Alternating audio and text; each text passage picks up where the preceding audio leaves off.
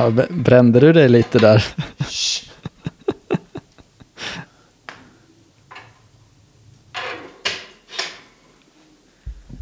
Så. Nu är det ingen som fryser. Sorry för min mood killer där.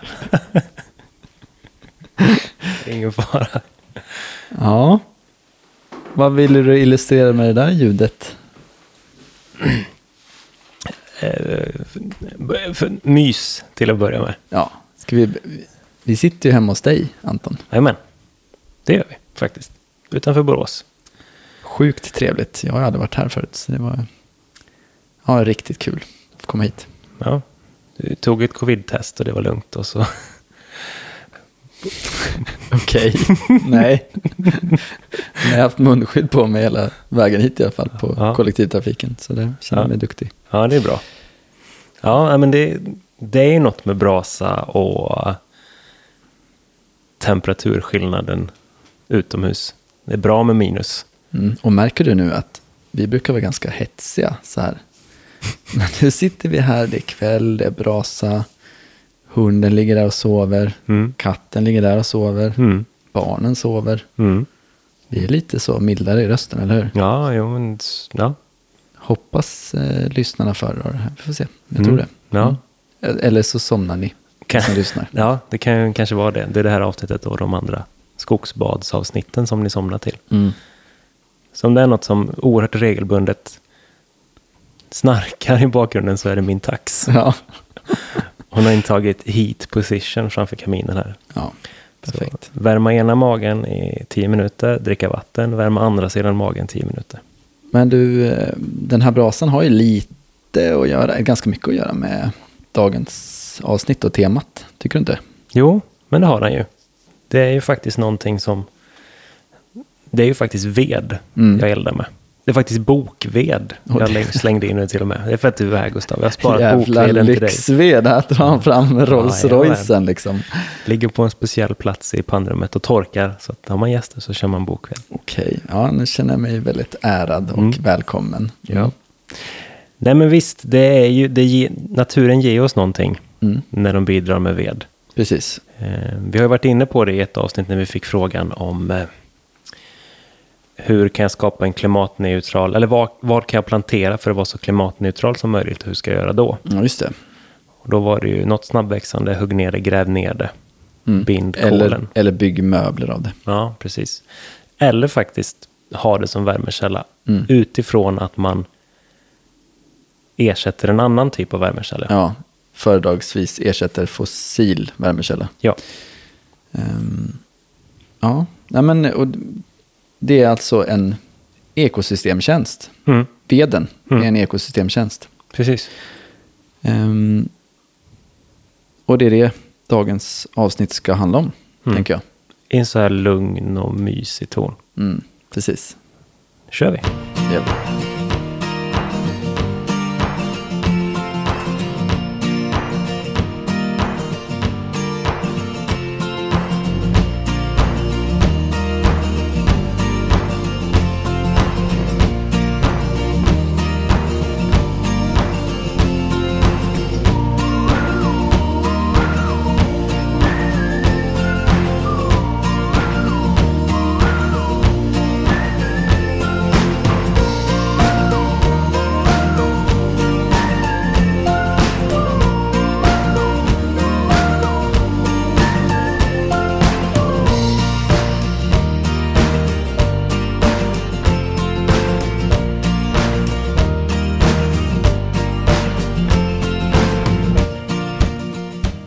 Ja, men eh, välkomna då alla lyssnare till den här podden som handlar om relationen mellan människa och träd. Idag i avsnitt 25 ska vi prata om ekosystemtjänster. Ja, för det är avsnitt 25. Ja, det, ja, det kommer bli ett stående skämt. Det hoppas vi att det är. Ja, vi kör på det. Mm. Fan, det är, ju- lite att fira egentligen. Det är en sån, det är lite jämnt så. Ja, Det är en milstolpe, 25 avsnitt. ja. Det är faktiskt inte så illa. Det ligger ändå en Dumle på bordet och en 3-5 och lite vatten. Ja, sen har vi ju hållit på med podden i vadå? Två år och lyckats 25 avsnitt. Eh, andra poddar producerar ju 100 avsnitt på två år. Ja. Men ja, vi föredrar kvalitet före kvantitet, eller hur Anton? Absolut. Mm, jättebra. Det finns något, eh, nu ska vi inte spåra ur direkt, men det finns något. Eh, några kompisar till mig startade igång ett, ett bryggeri Ja, och hamnade på en topplista i DN utan att ha tryckt ut en enda flaska. det, är- det är bra Ja, jobbat. mm, det var coolt. Eh, Hats Off Brewery heter de. Okej. Och de, och de hade sån logga. Eh, Zinkens damm 2012. Mm. Thought of sen 1992. det är typ så vi jobbar. Ja, precis. Jag har tänkt på det avsnittet ett tag. Det har vi faktiskt. Ehm, nu ska vi prata om ekosystemtjänster i alla fall. Vad är ekosystemtjänster? Det kan man ju kortfattat förklara som att det är sånt som vi får gratis från naturen. Mm. Eh, och det blir också väldigt påtagligt i våra nya mer förtätade städer hur viktiga dessa tjänster är. Det ska vi gå in på alldeles strax. Men egentligen, alltså du och jag och alla andra i branschen, vi vet ju hur viktiga träden är och hur mycket de ger oss. Eh, och ni som inte vet kommer få veta det under dagens avsnitt, mycket av det.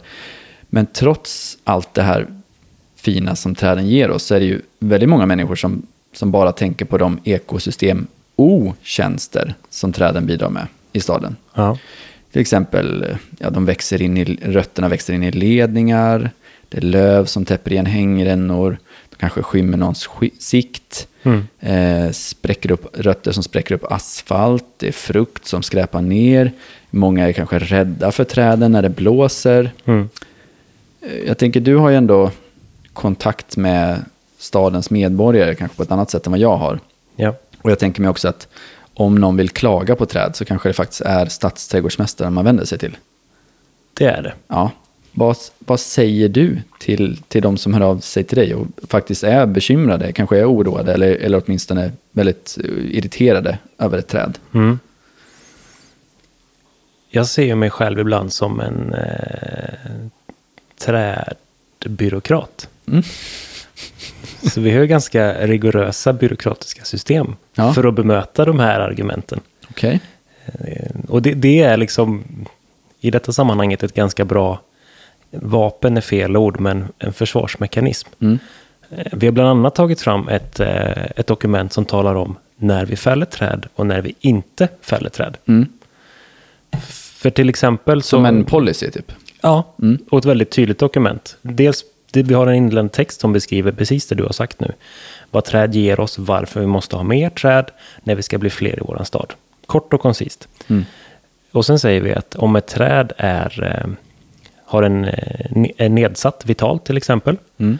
riskerar att skada eh, tredje man, att vi fysiskt kan se det på plats när vi gör en besiktning, då tar vi ner trädet. Mm.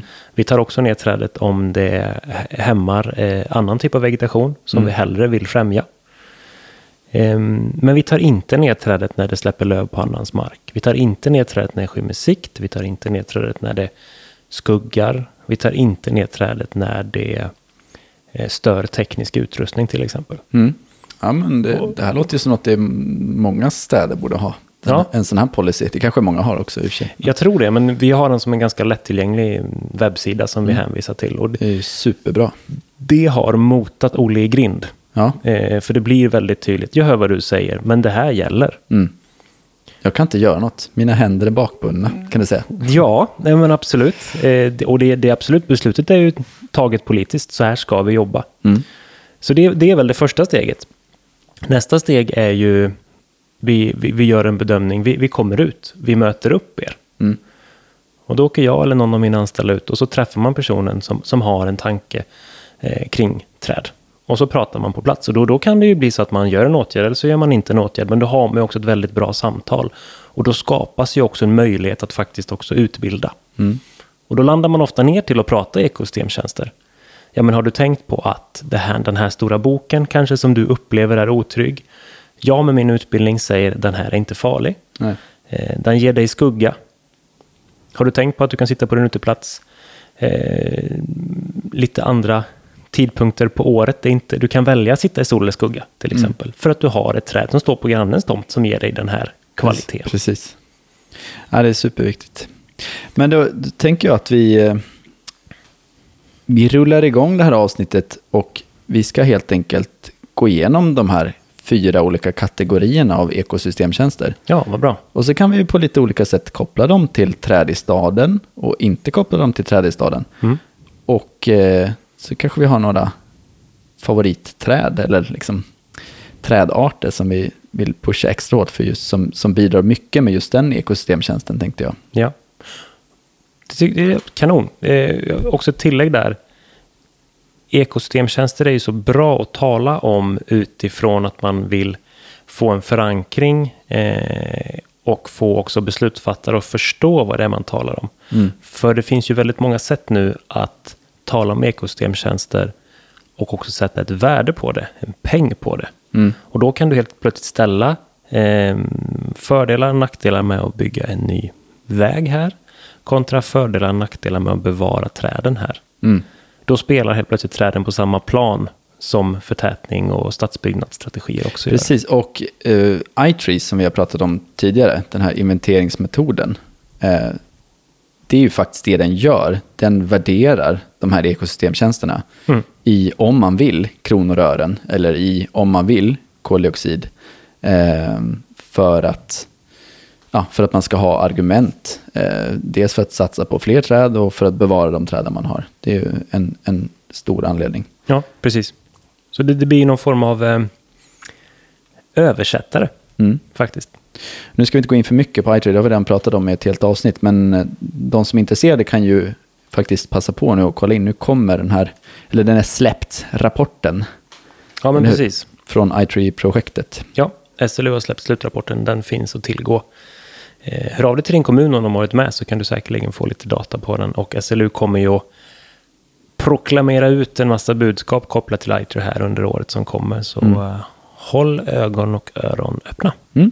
Superbra. Vi vill tacka vår sponsor Stångby Akademi. Stångby Akademi är ett grönt kompetenscenter som erbjuder kurser för dig som vill utvecklas i din yrkesroll. Du kanske vill bättra på din växtkännedom eller lära dig mer om beskärning och trädplantering. Gå in på stångbyakademi.nu för att ta del av deras ständigt uppdaterade utbud av kurser. Stångby Akademi hjälper dig till rätt kompetens för ditt projekt enligt mottot Tillsammans bygger vi framtidens gröna nätverk. Okej, Gustav. Du nämnde de här fyra olika kategorierna då inom ekosystemtjänster. Mm. Vilken av dem eh, vill du börja med? Vi kanske ska först rabbla upp dem så blir det lätt.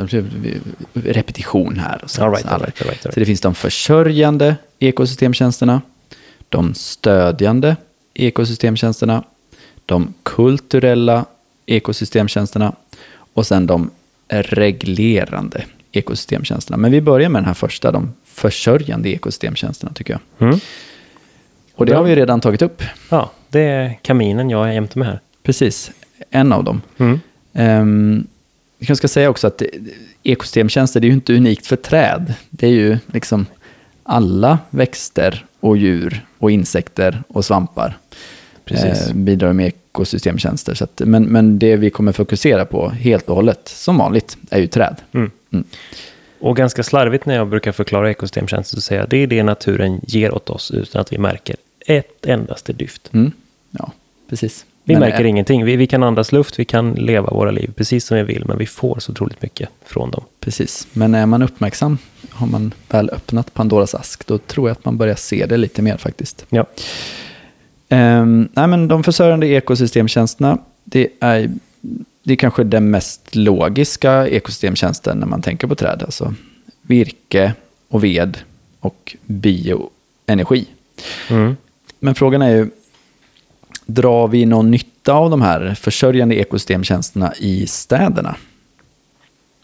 Alltså, blir det virke av träden vi faktiskt hugger ner så småningom? Eller blir det bioenergi? Mm. Ehm, ja, ja, men då drar vi ju nytta utav det. mm, precis. Men, Sen, sen kan man ju också diskutera då, eh, återigen, vad ersätter det istället och skulle det skapa ett större ekologiskt fotavtryck? Mm, nej, precis. Men det hade ju varit intressant, alltså just...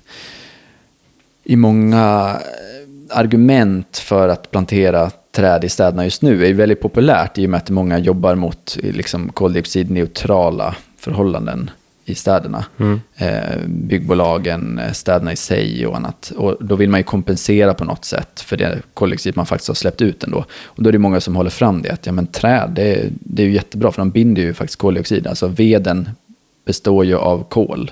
Ja. Ehm, men det spelar ju egentligen föga roll om man bara eldar upp det här trädet direkt. När man väl har avverkat det liksom. De måste ju fortsätta binda kolen under längre tid för att det ska kunna vara någon form av kompensation, kan jag tycka i alla fall. Mm. Mm. Ehm, Så det hade ju varit intressant om något snickeri där ute kunde liksom snöa in på det och vara verkligen det är ett urbant snickeri med urbant virke. Att det var fräckt. Ja. Det ger ju mer värde till möblerna. Det finns en del konton på Instagram, eh, träslöjd, att tälja har blivit ganska hett. Mm. Och då talar man ju ofta om täljämne Mm, som man det. hittar i, i stan, i parker. Ja, det är Eh, fräckt. det är ju en klockren grej. Sen ett annat alternativ för att verkligen binda kolen, det är ju också att ehm, ja, staden tar hand om all, allt trädgårdsavfall och annat och gör biokol av det. Ja. Och det skulle ju även inne, innefatta då det, de, ja, trädmassan man har fällt också. Mm. Från parkförvaltningen till exempel. Och så ta vara på den och, och gör biokol av den. Den kan man ju gräva ner och den kan ju, ja, beroende på kvaliteten på biokolet, hålla i men, någonstans mellan 100 och flera tusen år i marken. Ja. Utan att koldioxidet släpps upp igen. Så det, det är ju ett annat alternativ. Men ska vi lämna de här försörjande ekosystemtjänsterna nu kanske? Ja, men det känns som att poletten har fallit ner där. Ja, så jag har sagt det några gånger också, försörjande. Mm. Eh, så då går vi över till de stödjande och det här är lite mer luddigt. Mm. Det är alltså det som möjliggör de andra ekosystemtjänsterna. Okej, så det är lite eh, Det är meta. standing on the shoulders of giants. Ja, men jag skulle säga en, en meta-ekosystemtjänst. Mm. Fast den ligger ändå som en av de fyra. Ja, precis. Men det är ju till exempel fotosyntes, Mm. bildande av jordmån, Mhm. biogeokemiska processer, alltså förhållanden mellan bakterier och svampar och, och eh, rötter till exempel. Mm. Så att det här ser vi ju inte så mycket av i staden. Alltså det är ju verkligen inte påtagligt. Och även jag som är, tycker ändå är ganska eh, intresserad i ämnet, jag går Mm. inte runt och tänker så mycket på det. Men det behövs ju faktiskt. Det är ju fortfarande väldigt viktigt. Mm. Ehm, Men som sagt, det är kanske inget vi lägger jättemycket märke till. Nej, men en intressant fundering där då. Om man på något vis har någon form av verksamhet eller ja, så att man förstör de stödjande ekosystemtjänsterna. Mm. Då förstör man ju fler än den här kategorin. Precis, det kan ju vara som eh, under industrialiseringen när det var så smoggigt att, Mm. eh, att fotosyntesen liksom börjar avta. Det är ju Mm. till exempel ett väldigt tydligt exempel på det. Den är väldigt tydlig. Jag tänker också på när vi utbredningen av öken. Mm. När vi eh, förstör matjord i olika typer av Just processer. Eh, eller när vi bygger stad idag på eh, väldigt bra och viktig och välfungerande jordbruksmark. Absolut, och ett annat exempel är att man bara helt enkelt kompakterar jord. Och då avstannar ju de här biogeokemiska processerna Mm. i jorden. Men ja, det var de stödjande ekosystemtjänsterna. Ja. Men nu ska vi över till de här två andra ekosystemtjänsterna som är betydligt mer påtagliga i städerna. Och det är de här man liksom använder som argument framförallt. Eh, Jag tycker det, här, de- det är lättare att använda de här som argument mot eh, trädskeptiker eller ska vi Mm. våga använda uttrycket trädhatare. Det finns ju faktiskt sådana där ute. Mm, det finns ju några sådana. Mm. Så vi går till nästa fack och det är då kulturella ekosystemtjänster. Mm. Och de här är ju superviktiga i staden. Helt vitala skulle jag säga för att vi ska kunna trivas i våra städer. Mm. Alltså, många gånger så, jag gillar ju sci-fi, science fiction. Ja. Och då är det ju ofta sådana här stora framtidsstäder med gigantiska skyskrapor. Eh, kanske så pass stora att så här, vissa människor är aldrig nere på marken ens. Där är det inte många träd. Jag tänker på, vad hette det? Sim, Sin City. Heter det det? Sim City, där man byggde stad. Ja, just det. Mm. Ja. Då kunde man ju nå till framtidsnivån. Ja. Och då byggde man någonting som såg ut som R2D2s kusin. fast på ben. Okej. Och så toppen, tänk dig gässan, Ja. var en glaskupol. Där inne var det grönt. Mm. Men innan dess så hände det inte så mycket. Nej. Nej, det får vi hoppas att vi slipper en sån framtid. Jag tror ju mer på en, eh, en grön sci-fi framtid. Mm. Där våra byggnader och gator kommer att vara extremt gröna. För att vi har verkligen förstått värdet av de här kulturella och reglerande ekosystemtjänsterna i, i staden. Jag skulle inte vilja, vilja lämna kulturella Nej, nej, nej. ekosystemtjänster än. Vi ska absolut inte lämna den. Nej. Vi har bara varit och krafsat på ytan. Ja. För de här är som sagt superviktiga i staden. Mm. Ehm, det är ju till exempel rekreation, estetiska upplevelser, kanske även kulturminne. Mm. Som vi liksom börjar där någonstans. Vad, vad, vad tänker du spontant när jag säger kulturella ekosystemtjänster? Jag skulle vilja börja med att vara lite tråkig Mm. och, säga att här finns det en fallgrop. Okej. För runt kulturella ekosystemtjänster så är det oerhört svårt att sätta ett värde. Mm. Eh, talar man till exempel om, eh, om skydd av någonting, säg då att man har ett träd som ja, det är jätteskyddsvärt. Mm. TV-eken i Stockholm kanske var, var en sån sak. Mm. Eh, det finns andra träd, jag pratar ofta om skogsalmarna i Borås. Ja. Eh, om jag då vill tala om hur viktiga de är att skydda så väljer jag sällan att tala om dem utifrån de kulturella ekosystemtjänsterna. Mm, För, där det, för där är det svårt att addera pengar. Absolut. Där, där är det är mjuka värden, Mm. det är känslor. Mm. Ehm, och det funkar inte lika bra på byråkrater. Så kan man väl säga. ja, men, Eh. men vi, om vi ändå vi stannar kvar i de kulturella ekosystemtjänsterna. Mm. Så kanske en av de liksom, tydligaste ekosystemtjänsterna det är ju faktiskt att ett träd kan vara ett klätterträd för barn. Mm.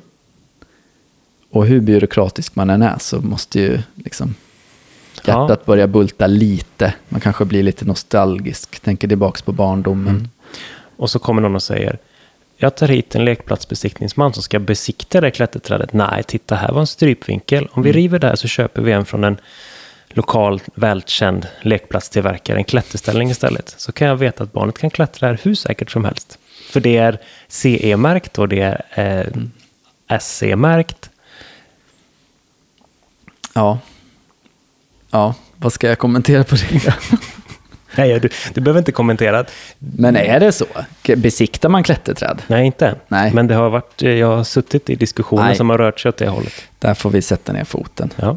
Eh, herregud. Usch. Men så det är i alla fall en, en typ av kulturell ekosystemtjänst, att agera klätterträd. Mm, absolut. Ehm, Jag men- tänker också att eh, ett träd är eh, platsbildande. Vi ses vid da da Alltså, det, det, det, trädet är it. Det är det trädet i den stadsdelen, mm. till exempel. Då är också ett jättekulturellt värde. Ja, men verkligen. Det är hängboken i Magistratsparken i Malmö. Ja. Det är liksom, bor man i Malmö så känner man till det trädet. Ja. Det definierar platsen. Ja. Ehm, och ja, säg prydnadskörsbären, det är ju Prunus aquolade i detta fallet, i Kungsträdgården i Stockholm. Ja. Det är liksom, det är kanske troligen det mest Instagram-postade träden i Sverige. Mm. Liksom. Ju, Under en veckas tid. ja, precis. Men visst. Ehm, så det, det är ju, ska man säga, det är dels estetiskt, men hängboken i Magistratsparken är ju också en form av liksom, en, ett kulturminne. Mm.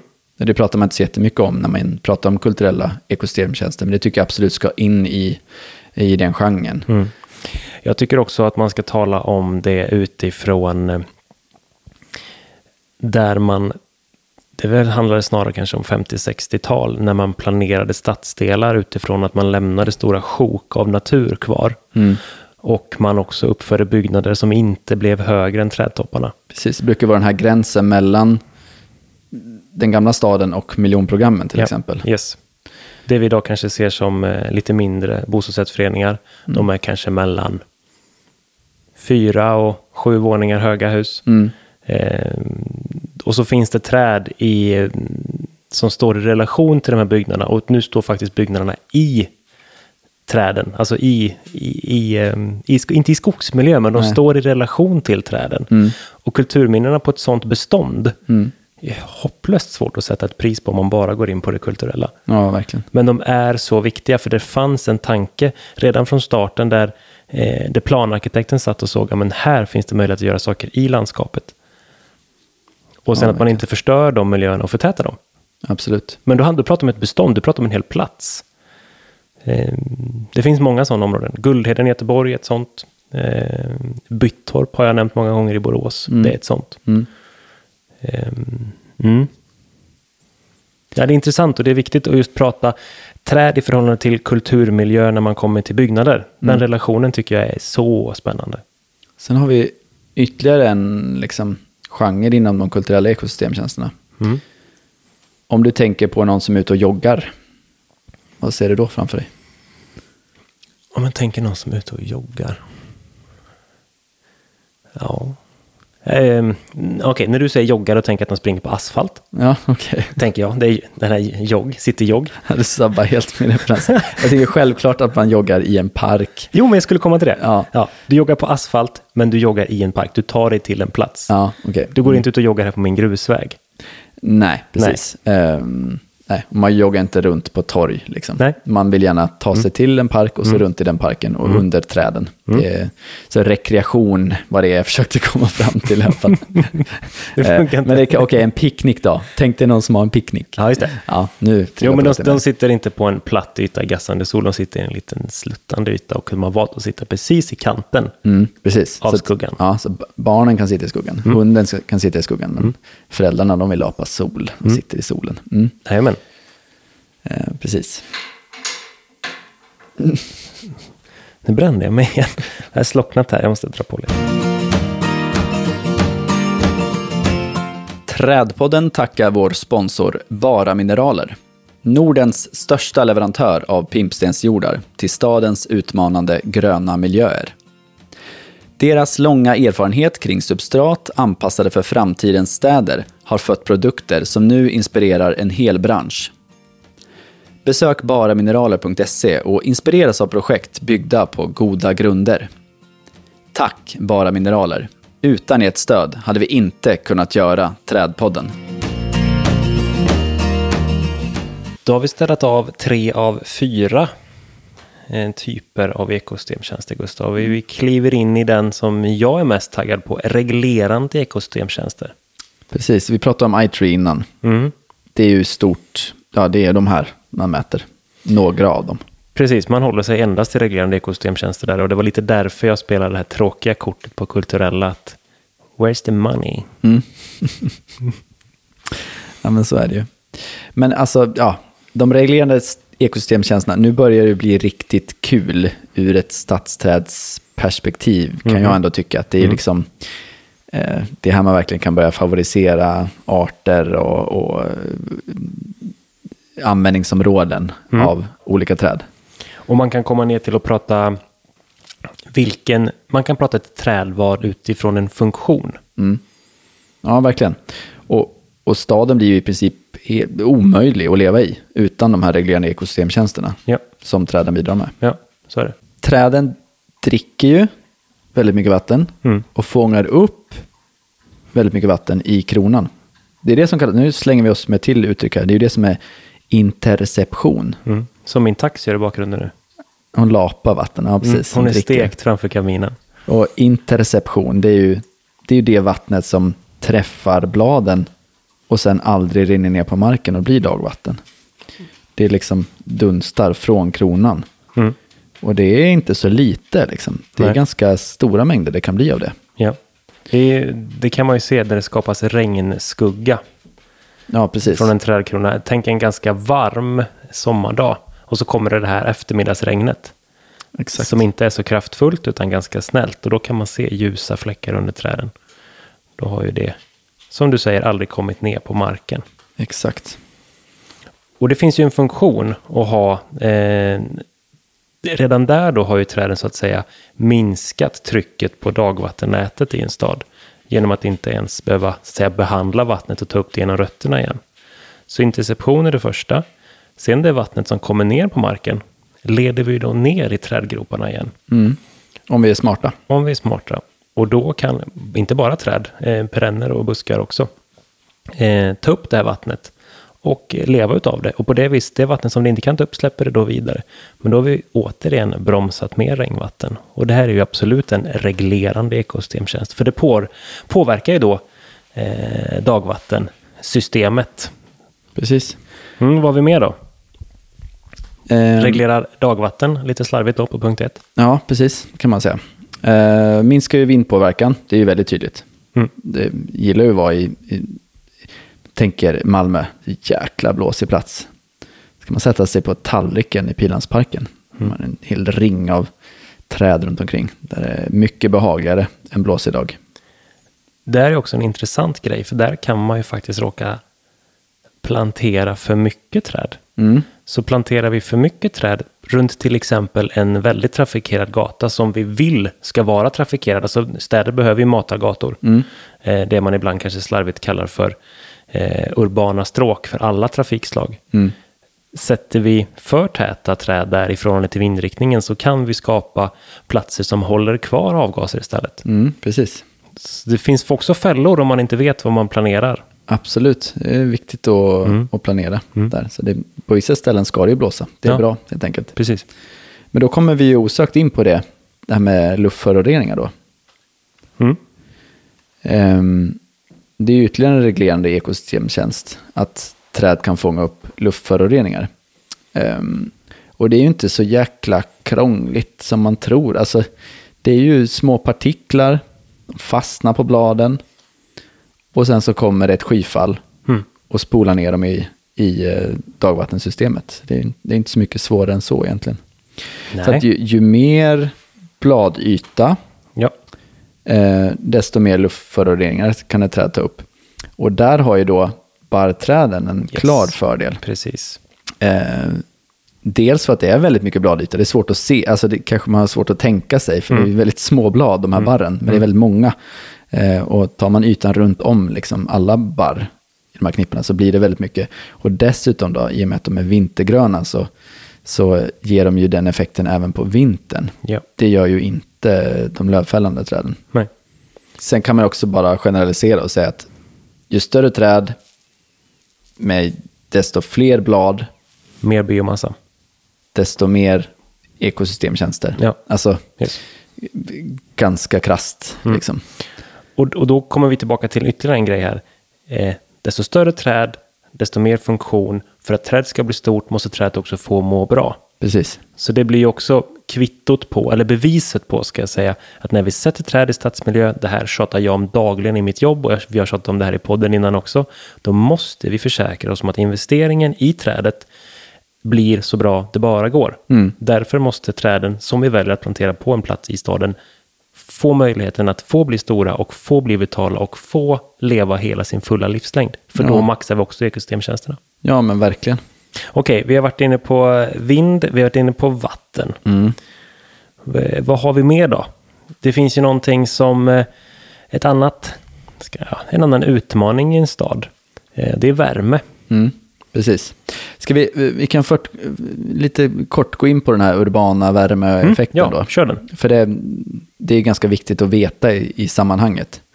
Eh, nu ska vi prata om trädskugga och dels kan man ju så här, det är väldigt enkelt att tänka sig, ja men det, det svalkar ju, kan sitta i skuggan. Mm. Eh, det är en faktor och den är superviktig.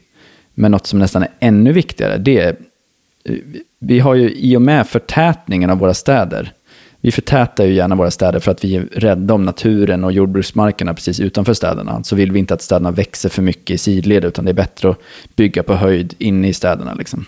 Plus att vi har system på plats där redan som kollektivtrafik, eh, fjärrvärme, VA, el. Ja, precis. Ehm, så, men i och med förtätningen så får vi mer och mer hårdgjorda ytor, hårda fasader, mycket sten, mycket asfalt. Många av de här ytorna är dessutom mörka i färgen. Mm. Och de absorberar ju väldigt mycket av den här solvärmen varma sommardagar. Mm. Och i naturen, alltså en, en skog kan också bli väldigt varm en varm sommardag. Men på natten då, då försvinner den här värmen väldigt fort. För det är liksom inget som håller kvar den. Men alla de här mörka, hårda ytorna i staden, de, de släpper ifrån sig den här värmen väldigt långsamt. Och det är ju jättetydligt om man är i en stad en, en, en varm sommarnatt, Mm. att liksom, även om du känner att det är lite svalt i luften, så om du liksom håller handen ett, 10 centimeter från en, en, någon form av betonggrej Jajamän. eller någonting, så, Ja. så känner man nästan att det strålar ut värme från de där. Ja, eller att du har gått på en...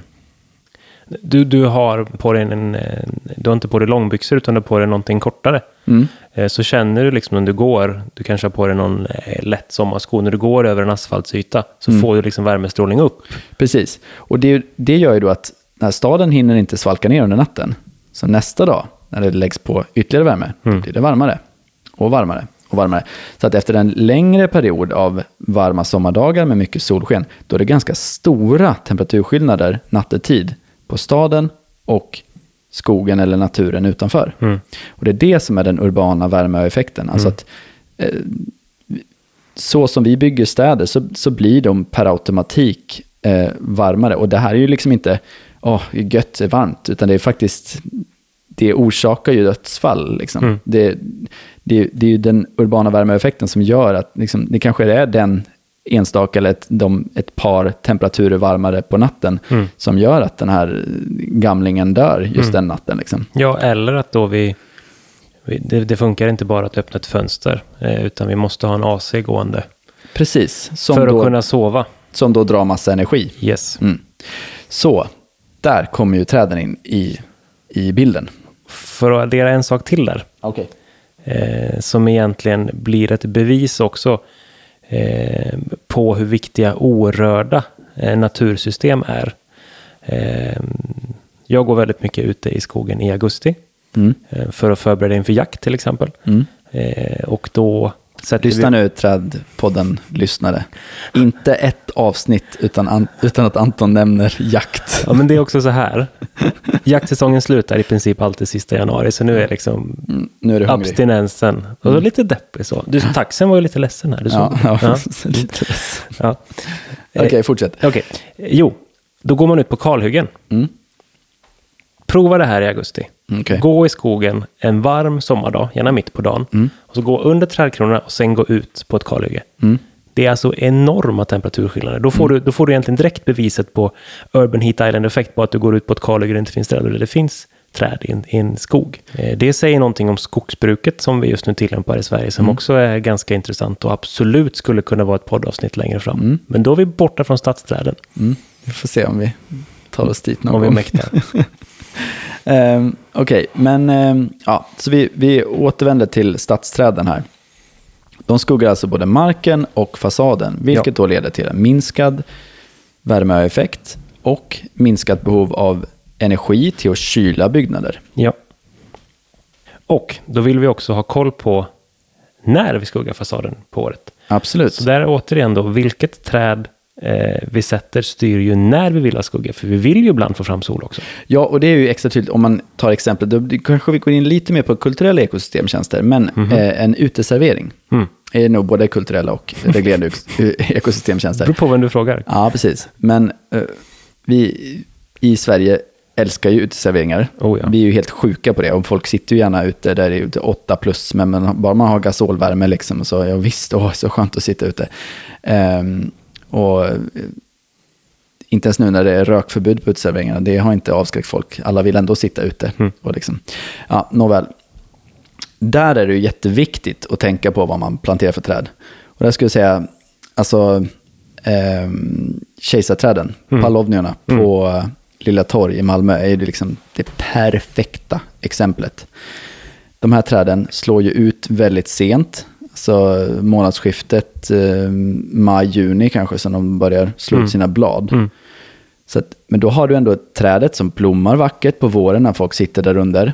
Eh, och, och, och de som sitter där får det här välbehövliga vårsolen. Mm. Sen på, på sommaren när det blir för varmt, då skuggar de utserveringen Mm. på ett perfekt sätt och gör det svalare. Så det, det är ju det perfekta exemplet. Liksom. Mm. Så att, eh, många gånger kan det ju vara en fördel att använda träd som slår ut ganska sent. Ja. eh, Just för att få ta tillvara på vårsolen.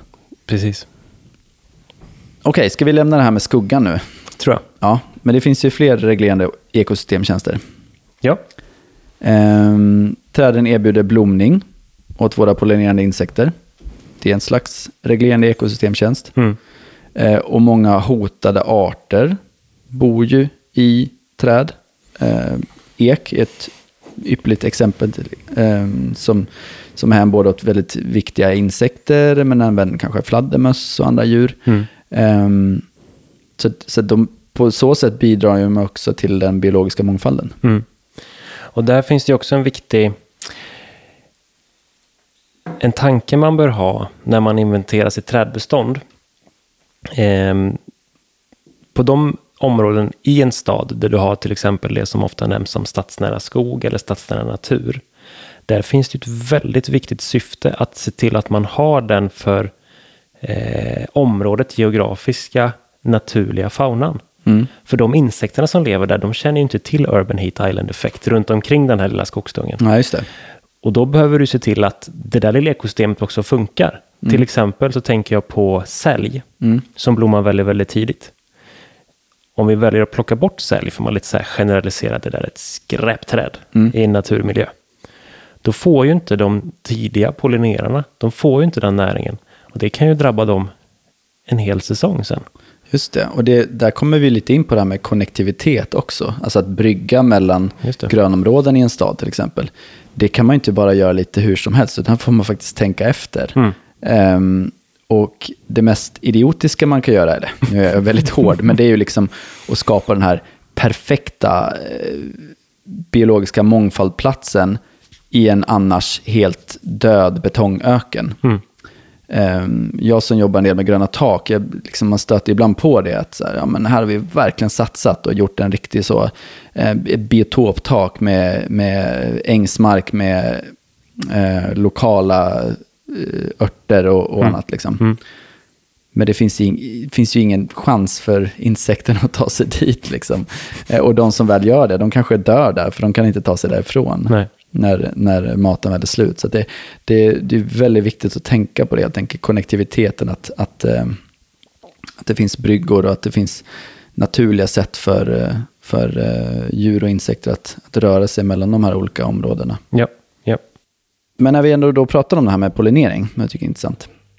Är det, är det något, något träd jag tycker som är liksom, ja, men lite extra speciellt där, det är ju linden.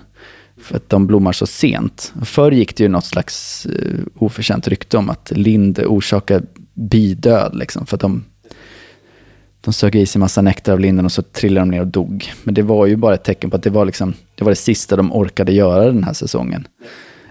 Um, bin lever ju inte över vintern, liksom, utan då är det dags för drottningen att, att börja om med en ny kull. Mm. Ja, i alla fall inte de arbetsbina. Det är det sista i en, i en bilivscykel. Precis. Det är att jobba utanför kupan och hämta nektar. Precis. Men då kan jag tipsa om en särskild lind som ligger mig lite extra varmt om hjärtat. Eh, och det är den, den heter på svenska, ibland kallar man den i alla fall för franslind. Mm. Eh, och på latin heter den då Tilia henriana. Och eh, dels är ju den här lindbladen är kanske de snyggaste lindbladen. För det är just därifrån frans lind kommer. Så att de är lite liksom eh, fransade i kanten. Mm. Ehm, men så blommar de ju extremt sent. Alltså månadsskiftet september-oktober. Och kanske eh, en bra bit in i oktober kan de fortsätta blomma.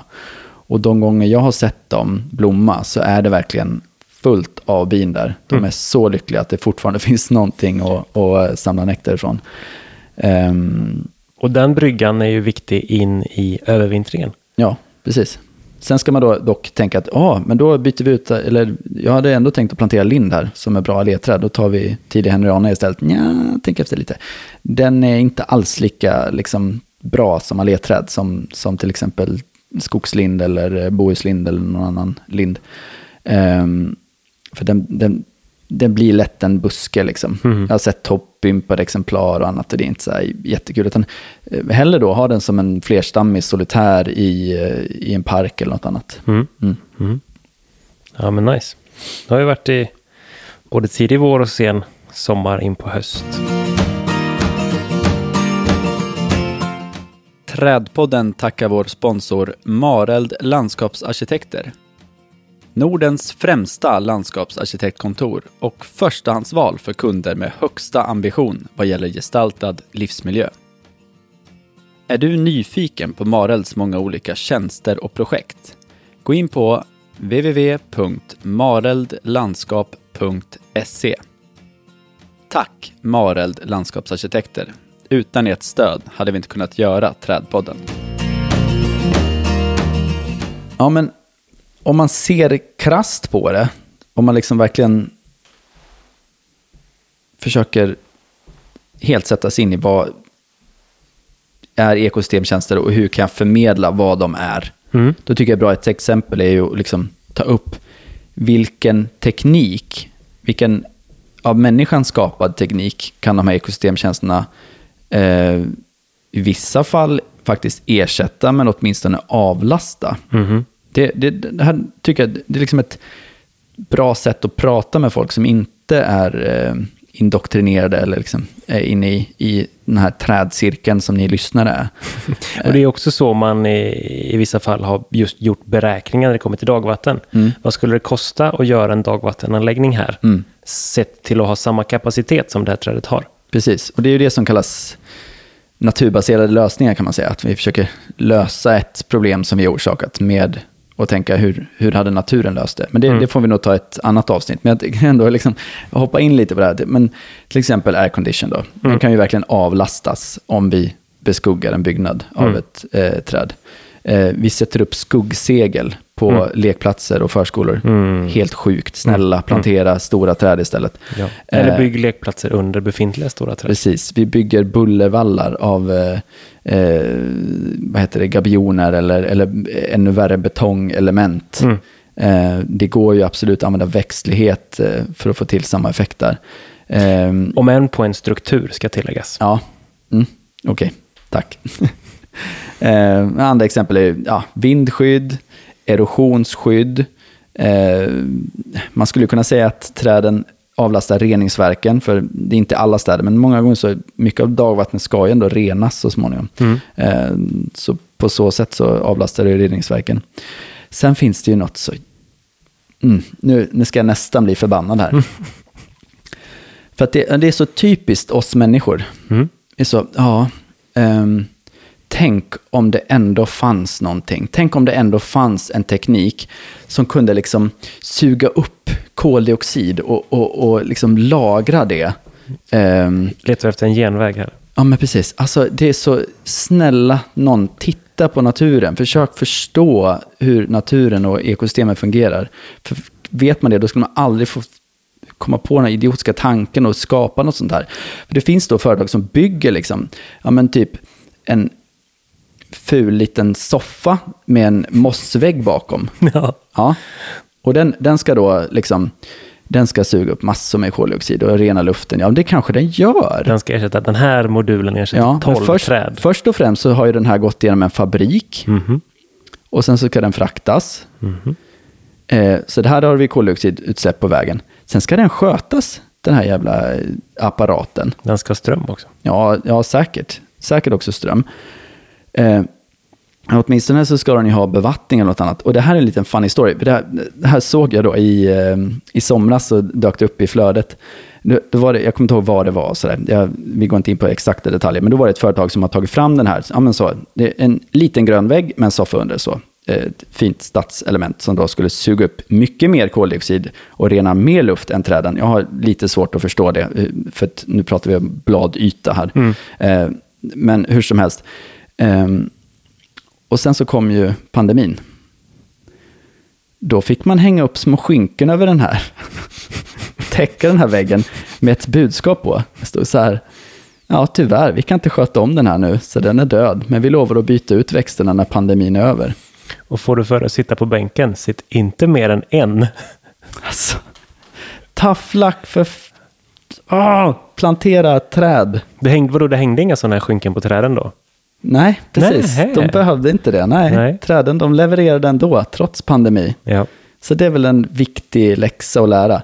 Lär er hellre om ekosystemtjänster, om hur naturen och växterna fungerar, än att hålla på att uppfinna hjulet gång på gång på gång. Mm. Ja, absolut. Men det är mycket lättare att mäta hur effektiv den här är. Mm. Ja, det. Mm.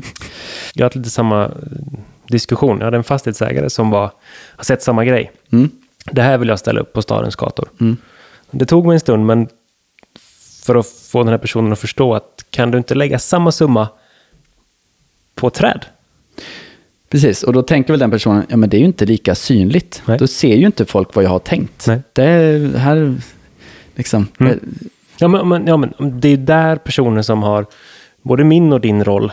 Mm. Då ska vi bara branding, branding, branding. Precis, där kommer ju tree tags in i bilden Mm. egentligen. Mm. Det är ju något så smart som, eh, om man har gjort till exempel en iTree-inventering och får fram de här siffrorna, vad bidrar det här trädet med i både i kronor och ören och i kilon och i Ja. liter och annat. kan man ju skriva ut det på en skylt, hänga runt stammen Mm. under en kort period. Liksom. Den ska ju såklart inte alltid vara där. Eh, och det får ju massor med uppmärksamhet och då fattar folk. Och den här skylten är bra mycket billigare än de här fula möblerna. Japp. Absolut. Hett tips. Hett tips. Ska vi wrappa upp de här? Nu blev det lite upprörda känslor på slutet. Vi behöver, jag behöver lugna ner mig. Vi börjar avsnittet med att vi har så lugn och fin ton. Nu är jag som vanligt jätteengagerad. Och, Ja. ja. Och brasan har brunnit ut, så skyll inte på det. Nej, precis. Ja, så vi gör väl som vanligt och avslutar med ett kulturtips, eller hur Anton? Ja, det tycker jag.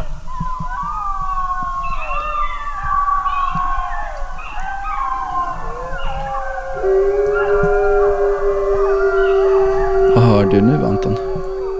Jag vet inte. Min tax gick ut från rummet. Det vi hör nu är eh, Sound of the Forest. Precis. Eh, och eh, det här ljudet, just det här ljudet vi hör är inspelat i, eh, i Sverige. Utanför Skinnskatteberg. Och det är en hel vargfamilj som under en ganska varm sommarnatt gissar jag, för det är juli, säger den som har spelat in det här, ylar. Så de vuxna vargarna kör, kör bastonerna och valparna får agera syntsolo eller någonting sånt. Här märker man att det, det finns någonting i vårt DNA. Jag tycker det här är jätteobehagligt och jättehäftigt. Ja, ja men verkligen. Så det vi har hittat här det är alltså en hemsida som heter Sounds of the Forest.